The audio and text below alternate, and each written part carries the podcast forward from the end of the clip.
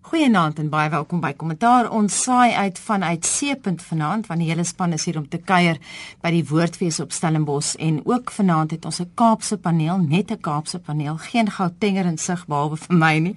Ons gesels met professor Erwin Swela, hy is van die Universiteit van Stellenbosch se skool vir publieke leierskap. Goeienaand en welkom. Goeienaand en goeienaand aan die luisteraars. En dan gesels ons met Jan Jan Joubert, hy is die politieke redakteur by Beeld, hy's 'n ou bekende op hierdie program. Naand. Goeienaand Anita. Dis nie altyd dat ons mekaar sien nie. Dis waar, maar dis goed om te sien, ja. Selfdieso. En dan professor Amanda Gou, sy is van politieke wetenskappe ook by die Universiteit van Stellenbosch. Amanda, goeienaand. Goeienaand Anita en goeienaand aan die luisteraars.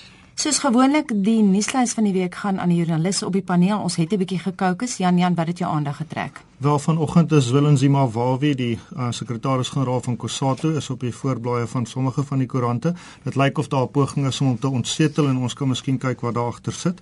Dan was polisie brutaliteit in die kollig met daardie verskriklike gedrag in Davidton aan die Oosrand. Die begroting is gelewer en daaroor sal ons baie kan gesels. Lulu Kingwana was weer eens in die moeilikheid. Die moeilikheid agtervolg haar blykbaar, maar miskien agtervolg sy die moeilikheid hierdie keer oor Afrikaner mans. Um, Amanda is sy heeltemal verkeerd of net 'n bietjie?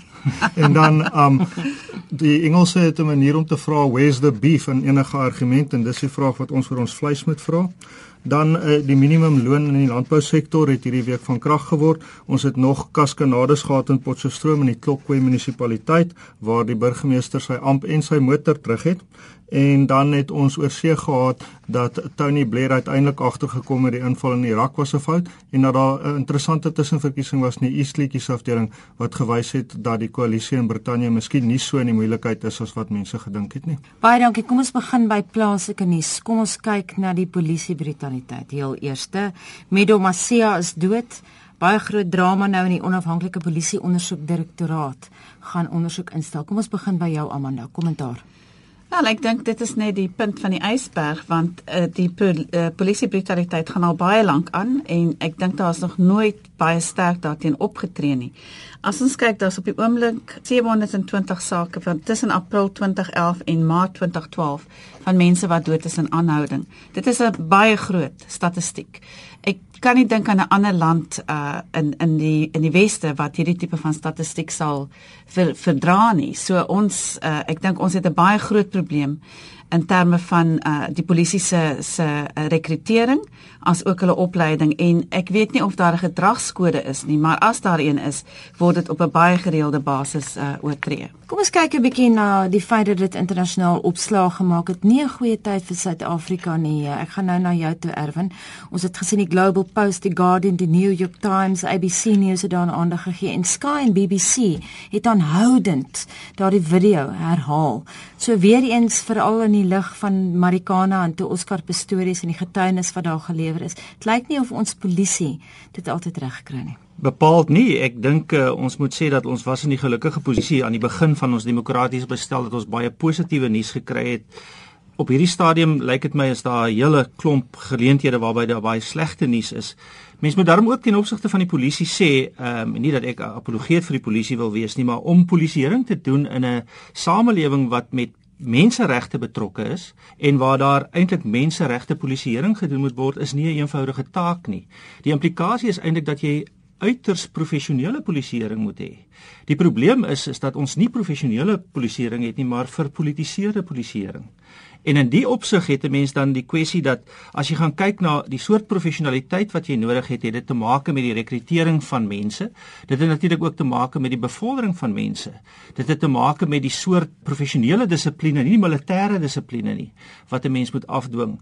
En dit lyk my net dat die polisie is so verpolitiseer dat op een of ander manier kry ons eintlik die heeltyd 'n situasie waar mense aangestel word veral in senior poste as ons nou maar dink aan Jackie Celebe as ons nou dink aan kommissaris Chele vir politieke redes nie vir professionele redes nie en die implikasie is baie duidelik as jy professionele polisieering nodig het maar jy verpolitiseer dit dan gaan jy uiteindelik probleme kry en daar aangekoppel nog die forme en die manier waarop regstellende aksie binne die polisie toegepas word. Ons weet mos nou van 'n van 'n hele aantal hofsaake boonbehalwe die hofsaake oor polisie brutaliteit waar bevorderings in sensitiewe poste nie gedoen word nie of vir bepaalde redes word mense oor die hoof gesien. Ons gaan hierdie probleem nie oplos voordat ons nie kom by 'n stelsel waar daar veel meer professionele polisieering is en dit is 'n besondere dissipline binne polisieering nie daarom dink ek gaan ons probleme bly sien Ja nee, kom ons gaan na jou toe. Ek het gister 'n onderhoud gevoer met Dr. Johan Burger van die ESS in Pretoria. Daar is gerugte dat Ria Pega die trekpas gaan kry. Goed, maar ek wil eintlik dit terugvat na basiese punte toe en, en met Erwin verskil as ek kan. Um, kan. want ek dink dit is ook 'n kwessie van menslikheid. Dit is nooit aanvaarbaar maak nie saak wat die probleme in 'n polisie mag mag wees om op te tree soos wat daardie mense opgetree het nie. En op die ou end is dit elke individu se verantwoordelikheid dink ek. En ek dink wat wel kort kom is miskien bietjie selfkritiek binne die polisie ook elke keer as um hierdie tipe ding gebeur en soos Amanda gesê dit gebeur baie gereeld dan kry mens die um verduideliking of verskoning van die tipe probleme wat daar wel makro in die polisie is soos byvoorbeeld allerlei dinge wat tot irritasies kan lei soos regstellende aksie verkeerde bevorderings ensovoort maar wat ek dink ook belangrik is en eintlik nog belangriker is is om te sê mens maak nie so nie. Mm. En dat elke mens dit individueel doen. Jy weet, um in polisietaal praat mense nou seker van die top range van die polisie in een of ander woord, maar ek weet wat die woord is in polisietaal vir 'n gewone persoon wat op die grond werk en dis 'n platboot. En hierdie was platboot polisie mense wat um hierdie ding gedoen het en niks kan dit myns insiens regverdig nie. So, so elke ou dink ek moet vir homself besluit nee, dit doen ek nie. Lyk of jy wil Ja, ek ek wil sê ons moet dit ook sien binne die konteks van die die gewelddadigheid in die Suid-Afrikaanse samelewing waar geweld so genormaliseer geraak het. Nou as ons kyk na die polisie, baie van hulle is homofobies, hulle is seksisties, um en daarmee saam gaan dan die optrede. Ek meen as ons gaan kyk na hoe hulle werk met met mense wat geslagsgeweld uh kom kom aanmeld. In hierdie week is daar 'n vrou wat 'n uh, saak kom aanmeld het verkragt deur die polisie. Um so die seksisme loop baie uh, diep um en en dit dra by tot soos soos um, Jan Jan sê, hierdie polisie wat op die strate werk, het 'n klein bietjie mag, maar hulle ge gebruik daai mag en maak van dit 'n baie groot ding en hulle misbruik die mag. En ek meen dit het nou bygedra tot die dood van van van 'n 'n buitelander. So daar's ook die probleem van xenofobie. Daar is gerugte dat van die polisie as wanneer hulle die strate patrolleer en hulle vind buitelanders mm. wat wel wettig hier is, dan skeer hulle die dokumente op en hulle hulle hulle neem hierdie mense in hegtenis, hulle rand hulle aan want hulle is xenofobies. So en ek meen buite Tatani en en uh, Masia was buitelanders. Mm, mm. So ek weet nie wat daar gedoen word om in terme van menseregte die polisie te sensitiseer nie. Ook teenoor uh, gay mense. Ek meen die die korrekte verryp sake wat ons sien by die polisie word eenvoudig op so swak manier opgevolg want dit is nie in hulle belang nie. So, jy weet, ek dink daar is werklik 'n baie groot probleem wat as dit kom by menseregte polisieer. Dit lyk of Jan Jan soms nie. Ja, en ek ek wil net sê as daar van die polisiepersoneel is wat luister, die groot gevaar dink ek as dit gebeur binne in jou beroep is om laer te trek en te sê, "Ja, maar julle verstaan nie ons werklikhede nie." Ek dink dis wat almal van ons doen eintlik, nê.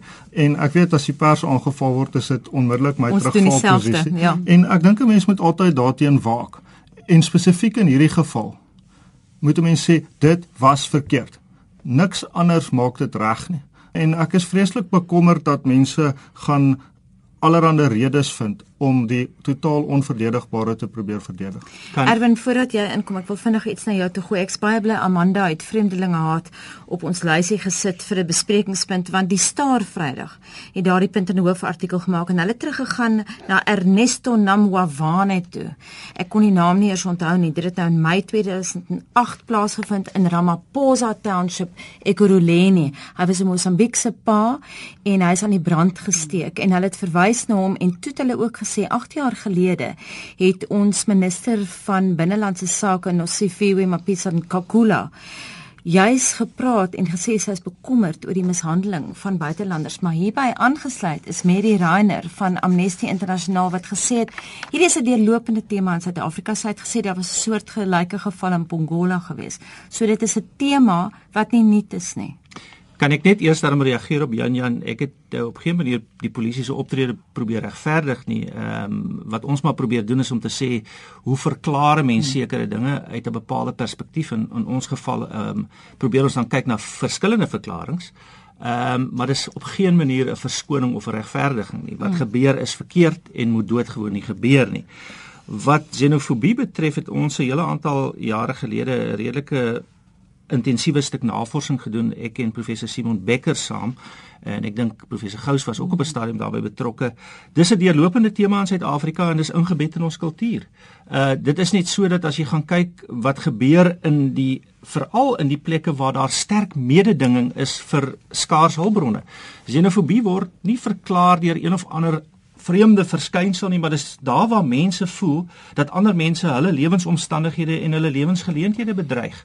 So as daar mense van buite af inkom wat dan op een of ander manier skynbaar beter vaar as die mense op die grond, dan bedreig hulle hulle lewensgeleenthede en hulle lewenskanse. En die reaksie is baie duidelik. Uh dis interessant, mense sien dit selfs by die ANC se konferensie laas jaar in Mangaung, waar ondanks wat die minister gesê het uh 8 jaar gelede, die ANC baie sterk begine kyk uh, op Mangaung na die hele idee van verbeterde grensbeheer wat ons almal waarskynlik dink 'n goeie ding sal wees. Hmm. Maar wat is die rede daarvoor? Weereens, die rede daarvoor is gewoon dat ons is eintlik siek en sat vir hierdie klomp vreemdelinge in ons omgewing wat dan en dan is die stereotipering onmiddellik daar wat ons vroue verkrag wat ons wat brode goedkoper verkoop as wat ons verkoop aan die mense wat ons lewensgeleenthede wegneem wat ons ekonomiese geleenthede wegneem en ons gaan nie daarvan wegkom voordat ons nie op een of ander manier 'n goeie balans vind tussen 'n opvoedingsstelsel maar ook 'n vorm van behoorlike binnelandse sake optrede, behoorlike optrede ten opsigte van hoe hanteer ons immigrasie en migrasie in bepaalde opsette. Dit lyk of Jan Jan iets wil sê en dan na Amanda. Nee, ek dink net aan Karl Marx, jy weet, en die geskiedenis van die wêreld is die geskiedenis van 'n stryd tussen klasse. Dis basies wat jy sê, nee. Ehm um, so as die oomblik wat mense vat aan aan jou aan lewensmiddels aan die middele van produksie soos wat die marxiste dit noem, dan begin daar geweld en daai tipe ding ontstaan, nee. Kom ons kyk na die positiewe en 'n moontlike oplossing. Ek het gister vir dokter Johan Burger gevra, wat dink jy? Wat doen ons nou? Hoe draai mense kultuur in die polisie om? Jy het ook gepraat van 'n probleem wat hulle het met gays, homofobie ook. Hoe draai jy so 'n kultuur om? Wel ek ek dink dat polisie moet uh gesensitiseer word wanneer iemand aangestel word, moet hulle kursusse deurloop oor wat is xenofobie byvoorbeeld, wat is seksisme, wat is rasisme. Um want ek meen soos Erwin uitreg uit was daar daar bestaan 'n spesifieke kultuur, maar polisie behoort bo hierdie kultuur verhef te wees in terme van die werk wat hulle moet doen. Hulle kan nie die kant van die burgers kies teen die teen die buitelanders nie. Ek meen dit is hulle plig om almal te beskerm. So daar moet 'n sensitisering wees um, oor wat is in die grondwet om mee te begin. Ek wonder of hulle opleiding kry oor byvoorbeeld die handves van regte en hoe implementeer mens die handves van regte? Want op die ou einde is hulle die implementeringsmeganisme. Nou as ons die wet op uh, seksuele misdrywe vat.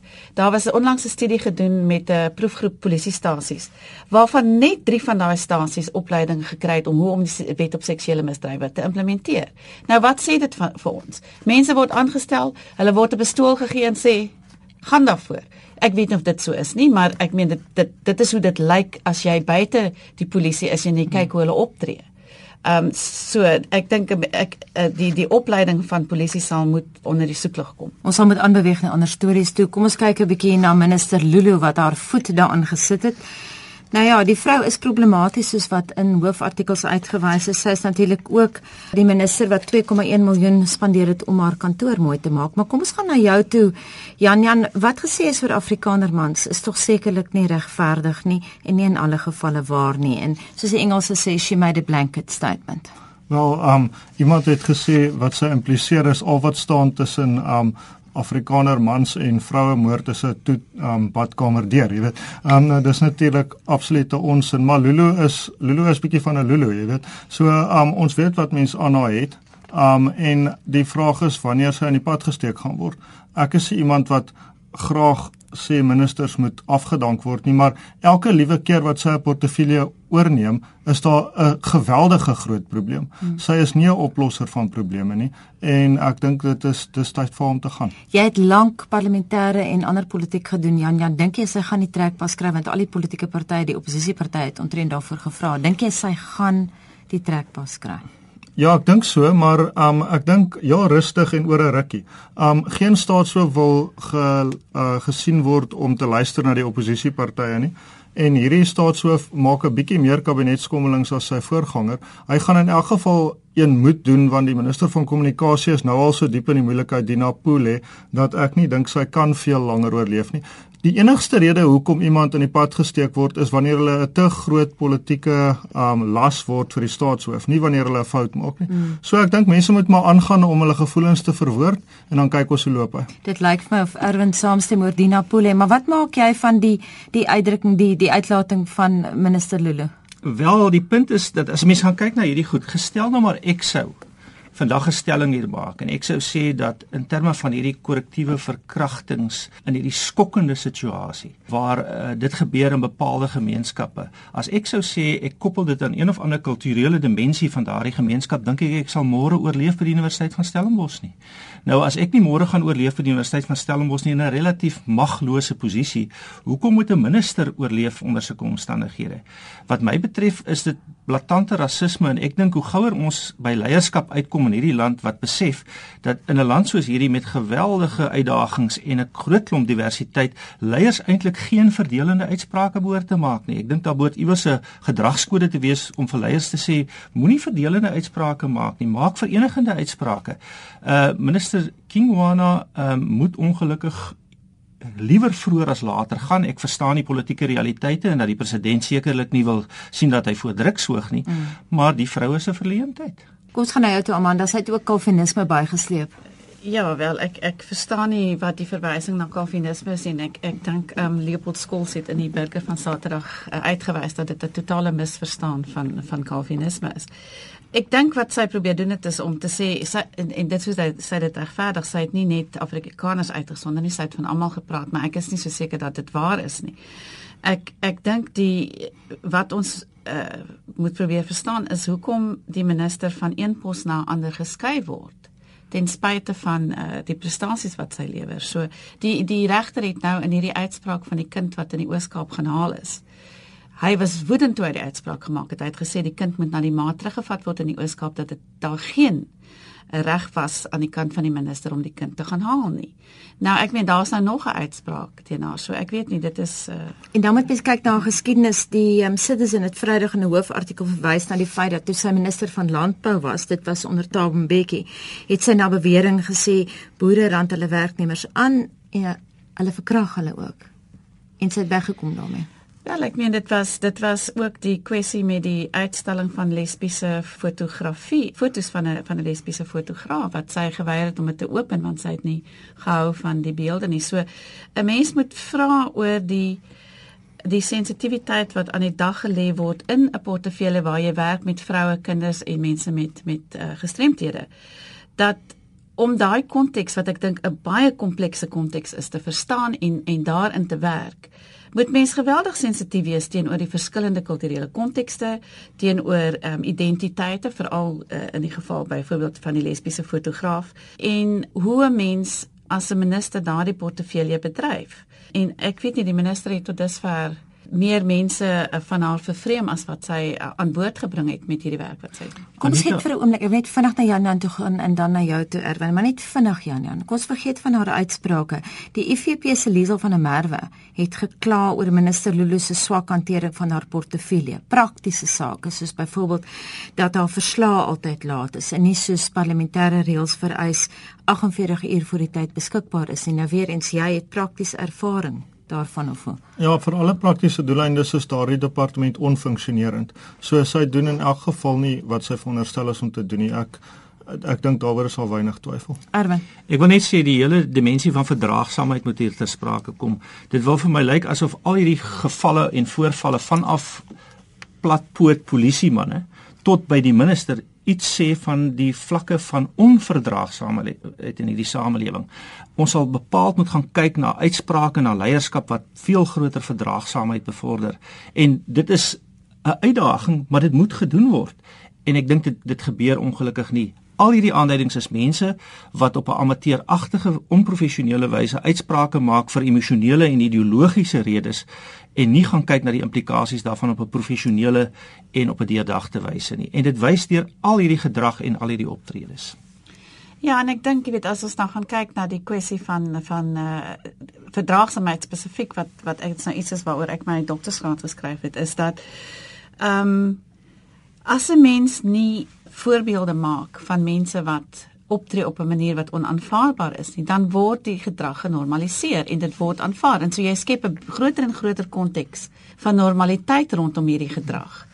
En ek dink dit is dit is baie problematies. En soos jy uitwys, Erwin, dit kom op al die vlakke van die samelewing voor. Ons ervaar dit ons aanvaar dit van die polisie of nie ons nie, maar die mense wat die mag het om die goed te verander, aanvaar dit van die polisie, aanvaar dit van politieke leiers, aanvaar dit van ministers wat onderpresteer en en nie hulle werk doen in lyn met die grondwet nie daai leierskap moet van bo af kom. Jy weet, dit is nie dis baie moeilik as jy onder op die grond is om dit te verander. Hmm. En ek dink dit is waar die probleem lê. Laaste woord hier oor aan jou. Ja, ek dink um, ons stem saam dat wat sy gedoen het was verkeerd en veralgemenend en soos wat Erwin uitwys, jy weet dit daar's 'n skakel tussen hierdie en byvoorbeeld die tipe ding wat ons in Davidton gesien het. Hmm. En daardie skakel is en ek hou van daai woord verdraagsaamheid. Nou kom ons gaan na die begroting toe. Ek gaan hier die bal weer vir jou gooi Jan Jan. Die nasionale tesourier skat byvoorbeeld dat die totale verliese in mynproduksie weens verlede jaar se stakings meer as 15 miljard rand beloop. Dit was 'n interessante feit wat uitgekom het daar. Maar meeste oppositiepartye Jan Jan het gesê dit is 'n veilige begroting. Kommentaar.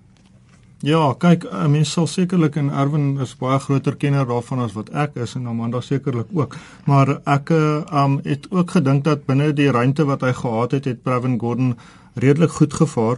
Ek meen op die uiterstes seker van hoe jy jou begroting kan hanteer in die wêreld op die oomblik is die Amerikaanse teenoor die Britse manier. En ek is bly om te sê dat kyk die Britte is meer besuinigend. Die Amerikaners dink die oplossing is om jou skuldplafon op te stoot. Dit is die domste ding, die domste ding wat ek in 'n lang tyd gesien het en dit kom jare aan en ons gaan die vrugte daarvan pluk. Nou gelukkig is Suid-Afrika dink ek nader aan die Britse as aan die Amerikaanse model. Erwin, jou die bal is nou vierkantig in jou Ja, bal. die begroting is natuurlik 'n stel beleidsrigtinge met prysetikette aangeheg. Dis wat 'n begroting is. Jy gaan kyk met ander woorde waar lê die werklike prioriteite van die van die owerheid. So uiteindelik as jy gaan kyk na die bestedingskant, is dit baie duidelik dat die owerheid se prioriteite, die regering se prioriteite is eintlik korrek. Dit gaan in opvoeding in, dit gaan in uh werkskepping in, dit gaan in gesondheid in, dit gaan uit in polisieering in. En dit is goeie prioriteite.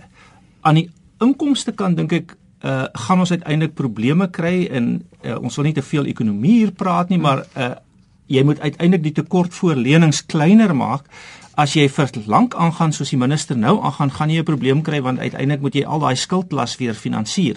Maar ek dink wat 'n mens ook moet sê is is dat die begroting is goed belyn met die nasionale ontwikkelingsplan. Die dilemma is natuurlik dat twee van die alliansievennote, naamlik uh, uh, die ANC en die SAKP, steun die nasionale ontwikkelingsplan. Daar's probleme met COSATU. So die belyning is ook onseker. Terselfdertyd is die verdere probleem natuurlik nou aan die kant van implementering. Jy kan soveel geld gee as wat jy wil vir polisieering of vir onderwys of vir gesondheid. As daar nie 'n professionele diensingesteldheid gaan kom nie dan help dit alles niks. Ons spandeer eintlik heeltemal genoeg in terme van prioritisering op onderwys byvoorbeeld maar ons het die swakste onderwysstelsel in Afrika. Daarvan gepraat wil ek vinnig iets na jou toe gooi. Die DA se woordvoerder oor finansies Tim Harris sê hy hoop net vakbonde nie in die weg staan van die inwerkingstelling van die jeugloon subsidie nie kan dit gebeur? Wel, ons weet mos nou hoe lank daar teenstand was van die hmm. kant van die uh Kossatu geleedere in terme van die jeugloon subsidie. Hmm. Die implikasie is dus dat hulle is glad nie gelukkig met die aanvaring daarvan nie. En dis nou 'n kwessie hoe hulle dit verder gaan hanteer. Dit lyk asof hulle nou in 'n sekere sin moes toegee dat dit ingestel word alhoewel dis ook nie presies die in, die manier waarop dit ingestel word is nie presies soos dit aanvanklik beplan was nie. Daar's al reeds 'n kentering maar terselfdertyd kan ons verwag dat hulle op hulle manier gaan probeer om hulle belange te beskerm. Die ou debat is asof wie se belange word geraak. Kossatu is mense wat kyk na die huidige in diens geneemdes hulle belange word beskerm. Mm -hmm. hulle wil nie ouer werkers ander werkers uit diens gestel sien nie want dis hulle lede. So hulle het nie veel simpatie met die mense wat nie werk het nie met die jeug nie. Amanda. Ja, en ek dink die die Kusatu se argument dat mense uit diens gestel, jy kan nie net met jong onervare uh, mense werk nie. Jy het ook jou ouer ervare werkers nodig. So ek meen die argument hou net nie. Maar ek dink wat wat belangrik is van die begroting is die 7 miljard rand uh, se belastingverligting wat wat die minister aangekondig het. Verkiesingsjaar. Ja.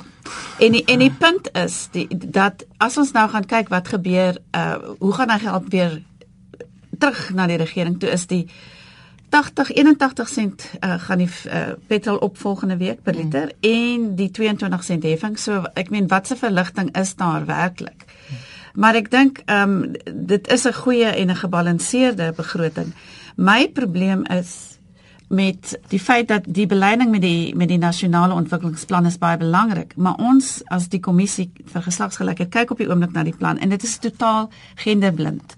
Met ander woorde, dit neem nie die uh, omstandighede van vroue in ag. Byvoorbeeld rondom gesondheid nie. Daar is niks in in daai plan wat byvoorbeeld sê dat vrouens reprodukatiewe regte moet hê, dat hulle met hulle kinders kan spasieer en so aan nie.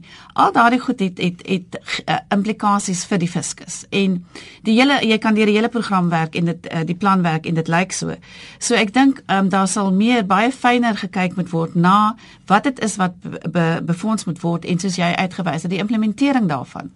En ek dink dit is nog nie op weet so fyn uh, na gekyk nie. Dit lyk of Jan Jan saamstem. Ja, um, ek moet sê kyk ek is nie heeltemal so groot kenner op gender kwessies nie, maar ek wou net sê oor die jeugloongoeders dat um, mens moet daarom onthou dat Provin Gordon het gesê hulle probeer al hierdie dinge aan boord neem. Byvoorbeeld dat daar nie verplasing van reeds in diensgeneemde werkers sal wees deur hierdie jeugmense wat in diens geneem word nie. So kyk, die ding moet nog by netlik gefinaliseer word, maar ek bly hulle beweeg in daai rigting. Die ander ding wat my vreeslik aangestaan het van van die begrotingstoespraak, uh, dit was nou nie in die begroting self nie, maar was die teenkorrupsie aanslag van die minister. Mm -hmm. Dis die eerste keer dat daar oor korrupsie gepraat word in 'n begrotingstoespraak en hy was streng daaroor.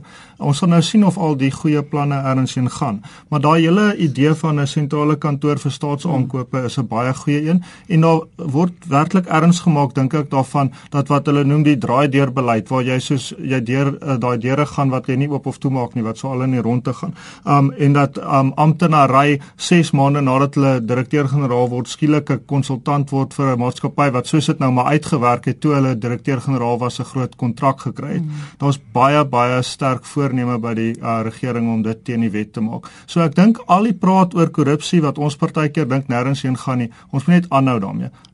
Stem jy saam Erwin? Ja, korrupsie is natuurlik iets wat 'n mens oor tyd gekry het. Dit is nou endemies en dit moet nou oor tyd gehanteer word. Nou daar's 'n intensie nodig. Iemand moet die politieke wil hê om dit aan te pak. Die dilemma is dat dit is nogal moeilik vir die die staatshoof om dit aan te pak gegee die agtergrond waarmee hy sit. So dan moet ander pogings aangewend word en dan moet jy daai kultuur omdraai met die met die intensie maar na die kultuur moet jy die strukture regkry dis wat Jan Jan sê kom ons bou nou nuwe stelsels ons het natuurlik al 'n hele klomp van hierdie anti-korrupsie strategieë en agentskappe wat dan self soms korrup raak. Mm. Ehm um, en dan uiteindelik moet jy na dit moet jy die prosesse in plek kry Op die grond is dit egter nodig dat ons houdingsveranderings moet kry. Dat mense moet besef en dit het onder andere daarmee te maak dat as jy gevang word, moet jy tronk toe gaan. Mm. Ons moet veel meer meer mense in die tronk kry, maar dit is weer die probleem met die polisie en met die met die met, met die korrektiewe dienste. So ons sit met sistemiese probleme wat nie maklik hanteer word. Laaste vraag oor die begroting. Kom ons kyk na wat Business Day geskryf het Vrydag in 'n hoofartikel. Business Day het die fokus geplaas op die verhoging van belasting op plastieksakke van 4 na 6 sent en gesê dis 'n aanduiding van hoe desperaat die tesourier is vir enige ekstra inkomste want laas jaar het dit maar 170 miljoen rand ingebring. Dit is natuurlik so dat daar voortdurend te soeke is na nuwe inkomstebronne. Hmm. Die staat het 'n bepaalde hoeveelheid inkomstebronne wat eintlik redelik geuit is en deurlopend gebruik word. Inkomstebelasting uh, heffings op op op brandstof en al hierdie soort van dinge. Daar kom eintlik voortdurend vernuwende belasting aspekte dis nogal iets waarna ek persoonlik geïnteresseerd is uit my belangstelling in innovasie en regering. En onder andere is daar allerlei pogings om byvoorbeeld op plastiek wat ook dan 'n ekologiese kwessie is 'n heffing te plaas wat dalk gedrag sal verander. Daar's die idee dat 'n mens byvoorbeeld op alle internettransaksies kan begin om 'n ekstra belasting te betaal, maar ek wil nou nie vir die fiskus nie tesorie te veel wenke gee om meer geld uit ons sakke te haal nie. Asseblief nie. Maar, maar, maar belastinginnovasie is 'n interessante onderwerp en daarom dink ek dat miskien is die staar tog darm 'n bietjie te skerp want hoe gaan ons Terselfdertyd kan jy deur belasting wat 'n vorm van pyn is, hmm. kan jy natuurlik ook gedrag probeer verander. En as ons te veel plastieksakke soos die roos van die Kaap sien rond lê, dan is dit dalk iets waarna ons moet kyk. Hmm, business day gewees. Net vinnig na jou, Amanda. Nee, ek dink net die die staat moet op haar geld mors. Ek meen ons sal nie die probleem hê waarmee ons sit as die geld nie eh, die die deur korrupsie en deur wanbesteding en onderbesteding. Um maar ek meen dit is 'n belaglike idee dat ons nou moet gegradueerdes belas vir die graad wat hulle het. Ek meen eerlikwaar. Da dit dit vir my is hmm. weet heeltemal uit uit buite perke. Kom ons beweeg aan na ons vleis toe. Julle kollega by die Universiteit van Stellenbosch professor Lou Hofman het goeie werk gedoen. Ons vleis, ons eet nie wat ons dink ons eet nie. Kom ons gaan na jou toe Jan. Jan, ek sien sommer jy's Ja. Jy's minder lus vir jou biltong. O, dis presies waar jy verkeerd is. Jy sien, ek het 'n ietwat averregse siening hiervan. Um en dit is ons ons eet miskien nie wat ons dink ons eet nie, maar ons eet wat ons eet. So ja, dit dit pla my, maar dit pla my nie vreeslik nie, want as dit al so lank so is, is dit maar wat ek ken, jy weet. En so ek daaroor voel. maar tog vir my effens skrikwekkend is daar's vark gevind en gedroog droogte volstruisprodukte en in een geval is bergsebra gevind. En dis 'n hoog hoogs bedreigde spesies. Amanda, spesies Amanda. Ja, nee, ek dink jy weet mense met die vraag vra hoekom is dit so? En as ons nou jy weet gekyk het na die hele saga in die buiteland, dit is 'n is baie groot saga. Dis in die hele Europa 'n probleem. Mm. Maar dit in Engeland uh, sy eerste keer sy kop uitgesteek. Nou die biltong ja, ek dink jy weet dit is vir my wonderlik dat jy iets koop wat nou nie is wat dit is nie maar ek is ek is baie meer bekommerd oor produkte waar jy nie kan sien nie soos uh burger uh mm. patties en en wors en en sulke goed want ek meen daar is mense wat nie vark eet nie mm. en en dis teen hulle geloof en en ook die gebruik van uh spesies wat wat besig is om uit te sterf is net heeltemal onaanvaarbaar. So vir my is dit 'n ek dink dit is baie kommerwekkend. Kom ons gaan net te Erwin. Wel, ek moet sê mense moet natuurlik ook nou net 'n sin vir dimensie hier behou. Ek dink uh dit is natuurlik so dat daar geloofs-oorwegings is wat hmm. vir sommige mense geweldig um sterk is. Daar is aspekte van gesondheid wat 'n probleem kan wees en 'n mens wil natuurlik ook nie hierdie soort bedrog in jou samelewing hê nie. Uh, maar terselfdertyd is eetvoorkeure tot 'n baie groot mate behalwe dat dit persoonlik is, word maar oor oor eeue vasgestel. Daar's nie wesentlik 'n probleem as ons in Nederland is om om of in Duitsland is om perdevleis of in Italië perdevleis salami te eet nie. Mense mm. eet dit. Dit mag vir sommige mense vreeslik grieselig wees, maar dis nie 'n gesondheidsrisiko per se nie. So daar's geloofsaspekte, daar kan gesondheidsaspekte wees en die goed gaan vir jare aan gelukkig is dit nou aan die kaak gestel en gelukkig gaan daar 'n kentering kom, maar ek is redelik seker oor 3 of 4 jaar gaan jy nog slagters hê of gaan jy weer slagters hê wat goed gaan vermeng om goedkoper opsies te kry en is gewoon maar om meer geld te maak. Hmm, dink jy dit so, goed gekontekstualiseer? Mens moet maar net na die konteks kyk en ek persoonlik verkies ook sekere goed nie. Maar ek meen dit gebeur en ander mense hou weer daarvan. Ek het net 'n vraag, waar kom al die perde vandaan? Mens teel mos nie perde vir eet nie. Wel, uh, sommige van die perde wat op die met gehardloop het, dink ek sou ek ook graag aan my, my brood droog word eerder wil hê as ek vleis. Wel, hulle hulle sal in elk geval meer net hê dan nee, want hulle hardloop maar sleg. ja. Kom ons kyk na die minimum loon wat Vrydag in werking getree het. 'n Laaste 'n laaste tema vir vanaand. Ek wil na jou toe gaan. Ek weet jy hou die Weskaapse politiek baie nou dop Jan Jan. Die minimum loon van R105 per dag het Vrydag in werking getree. Kommentaar. Ja, ek dink nie dit gaan in die Weskaap 'n baie groot probleem wees nie want die meeste Weskaapse boere betaal in elk geval meer as dit.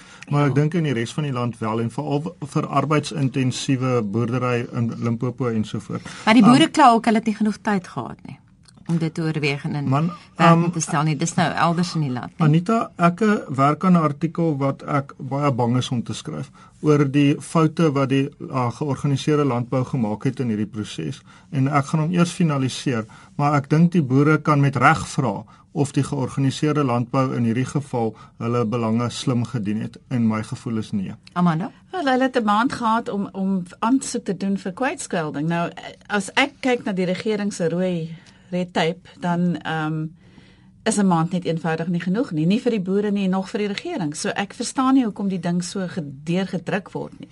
Ek sou tog net by Jan Jan wil aansluit en sê dat nie net het georganiseerde landbou en ek sou graag sy sy tese daaroor wil lees, maar georganiseerde arbeid het nie uh, arbeid fisiek goed gedien hier nie. Dit lyk my niemand het enigiemand hier fisiek goed gedien nie, want hier het ons nou 'n Wes-Kaapse situasie wat lei na geweldige hoeveelheid afleggings in al die ander provinsies. Ehm um, en Wes-Kaapse boere is waarskynlik ekonomies nog van die beter af boere.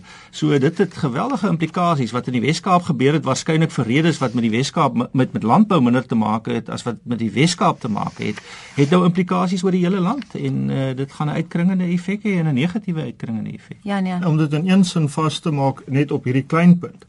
Die georganiseerde landbou het van die eerste oomblik af die spel gespeel om alles af te stem op hierdie klein proses en hulle kon mos self hulle wiskunde gedoen het en toe word hulle 2-1 in die komitee uitgestem soos hulle altyd sou gewees het en toe word dit 'n landwyse probleem omdat hulle nie bereid was om sekere goed wat in November en Desember vir hulle op die tafel was te vat nie uit hulle eie politieke gedienstigheid omdat hulle in die regering soveel krediet wou gee vir enige iets nie. Nee, ons wag vir 'n artikel op daardie vurige en passievolle noot eindig ons vanaand se kommentaar. Baie dankie aan Jan Jan Joubert, politieke redakteur by Welt. Goed, dankie. Die een wat nou geen boerevriende oor het nie. Lees maar eers wat ek wat ek skryf vir julle te kwaad voel. En baie dankie aan professor Amanda Gous by Politieke Wetenskappe van die Universiteit van Stellenbosch. Baie dankie dat jy kom saamkuier by Seepunt. Plesier Anita. En baie dankie professor Erwin Schwella, hy is by die Universiteit van Stellenbosch se skool vir publieke leierskap. Dankie vir die saamgesels. Ek hoop ek het nog polisie vriende ook.